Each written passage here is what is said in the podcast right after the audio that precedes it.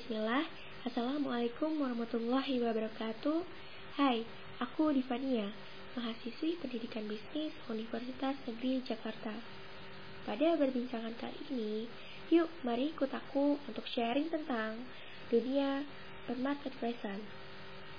Menurut data Statista tahun 2020, terdapat top 10 marketplace yang sangat digandrungi, apalagi saat pandemi ini guys. Apa aja tuh kak marketplace-nya? Oke, kita mulai ya dari yang ke-10. Wah, yang ke-10 ada sosial nih. Walaupun sosial marketplace yang fokus pada kecantikan, tapi mereka gak kalah loh dari pesaing lainnya, yang mana Sosiala merupakan situs kosmetik nomor satu di Indonesia. Wah, hebat ya. Oke, kita percepat ya. Posisi 9 ada GDID, selanjutnya Relali, kemudian Bineka, dan posisi ke-6 ada Orani. Nah, kalian mau tahu nggak nih siapa top 5 in the last year? Uh, yang kita tunggu-tunggu nih, the big serious e-commerce in this country. Nah, posisi kelima ditempati oleh Blibli.com sebanyak 22,41 juta pengunjung. Selanjutnya Lazada 36,26 juta pengunjung dan posisi ketiga ditempati oleh Bukalapak sebanyak 38,58 juta pengunjung. Posisi kedua ditempati oleh Tokopedia sebanyak 114,66 juta pengunjung dan yang menjadi nomor satu ialah Yap, Shopee sebanyak 129,32 juta pengunjung. Si Oren yang sering sekali ya memberikan garis ongkir kepada para penggunanya. Oke, dari ke-10 marketplace ini, mana aja sih yang sering kalian kunjungi dan juga pakai? Kalau aku sih Tokopedia. Hehe. Nah, sebelum kita masuk lebih dalam ke topik itu, kalian tahu nggak sih untuk membangun dan mengembangkan bisnis, alat apa yang digunakan para pebisnis agar usaha bisnisnya lebih baik lagi? Ayo, coba diingat-ingat, ada yang tahu nggak? Ya, betul, analisis SWOT. Analisis SWOT merupakan alat yang sangat sederhana, namun sangat-sangat berperan untuk mengembangkan, membangun, dan juga mengembangkan perusahaan lebih baik lagi.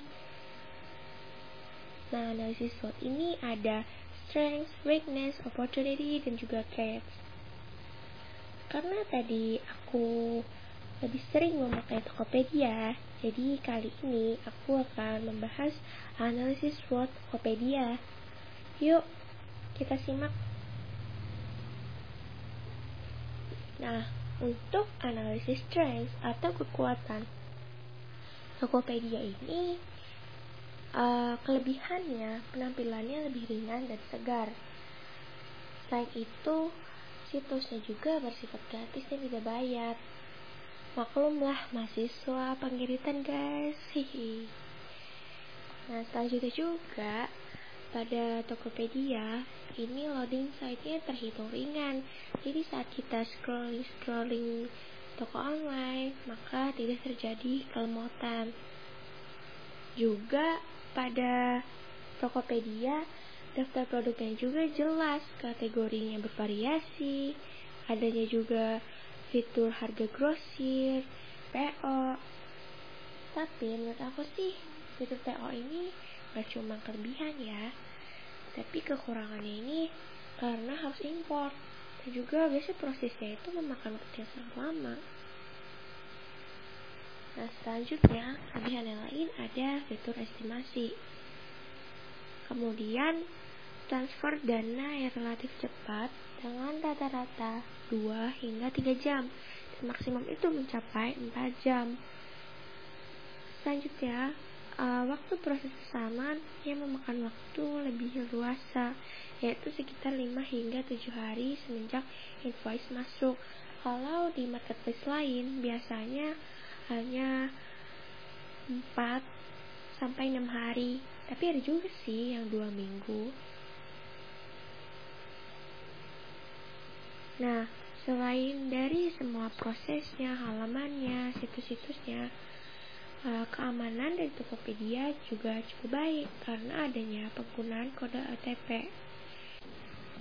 Selanjutnya, memiliki blog yang berisikan beragam tips dan juga informasi yang bermanfaat untuk penjualan dan juga sebagai optimal toko online kita apabila kita ingin berjualan melalui marketplace Tokopedia.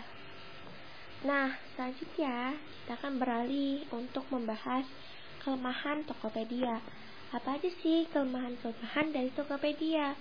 Nah, yang pertama, website dan juga aplikasi Tokopedia sering sekali error nih. Kenapa sih sering error? Karena uh, Tokopedia ini sering uh, maintenance atau terjadinya perawatan. Jadi sering kali membuat pengunjung yang merasa kesal karena perawatan itu sering sekali error aplikasinya walaupun nggak lemot tapi karena perawatan itu jadi error. Ya sama aja sih ya. Sama-sama membuat pengunjung kesal kalau gitu. Nah selanjutnya karena tadi pas apa sering error karena maintenance nah efeknya itu tuh bisa satu hingga dua hari. Dan keluhannya itu juga bermacam-macam. Diperbaiki itu bermacam-macam jadinya pengunjung kesal. Karena kan kita ingin membeli ya tapi harus menunggu sampai tiga hari gitu. Gimana nggak kesal kan? Nah selanjutnya tidak adanya fitur blacklist untuk bayar atau pembeli. Jadi kalau menurut aku sih ya kalau misalnya ada pembeli yang kurang mengenakan atau pembeli yang tidak sopan dan pembeli yang uh, bisa aja kurang ajar gitu terhadap penjual ini di Tokopedia tidak ada sistem blacklist. Jadinya uh, masih menguntungkan pihak pembeli yang tidak sopan itu gitu. Dan selanjutnya sering terjadi perang harga karena pembanderol produk dengan harga kisaran yang sangat murah. Mengobrol harga guys yang mana memberi peluang sangat kecil pada produk untuk laku dengan kisaran harga yang relatif tinggi. Kasihan kan? Para UMKM yang baru mulai uh, terjun di dunia marketplace tapi harus bersaing dengan para para uh, penjual yang uh, membakar harga gitu membar, membakar produk dengan harga yang lebih murah sangat sangat murah. Nah selanjutnya peluang uh, lakunya ini tuh tidak masih tidak optimal. Dan juga hanya memberi kesan eksklusif aja gitu. Dan tampilannya juga sedikit berbeda dari member biasa. Jadi keuntungan dari member biasa dan member yang eksklusif itu kurang kurang di-upgrade lagi. Dan seperti tidak terlalu menguntungkan member eksklusif. Selanjutnya, uh, fitur pengelola stok barang masih juga dinilai kurang optimal karena pembeli uh, selalu menunggu pembayaran dan juga stok produk itu tidak optimal gitu berkurangnya dan juga tidak memiliki fitur diskon yang terbatas waktu. Selanjutnya ada voucher ini. Nah, biasanya jual beli online itu memakai bahasa Inggris, sedangkan masyarakat Indonesia tidak semuanya bisa berbahasa Inggris.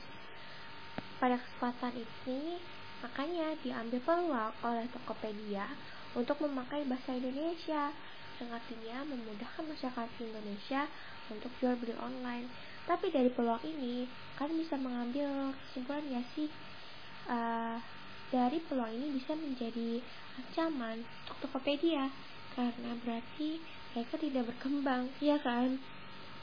Oke selanjutnya ada ancaman.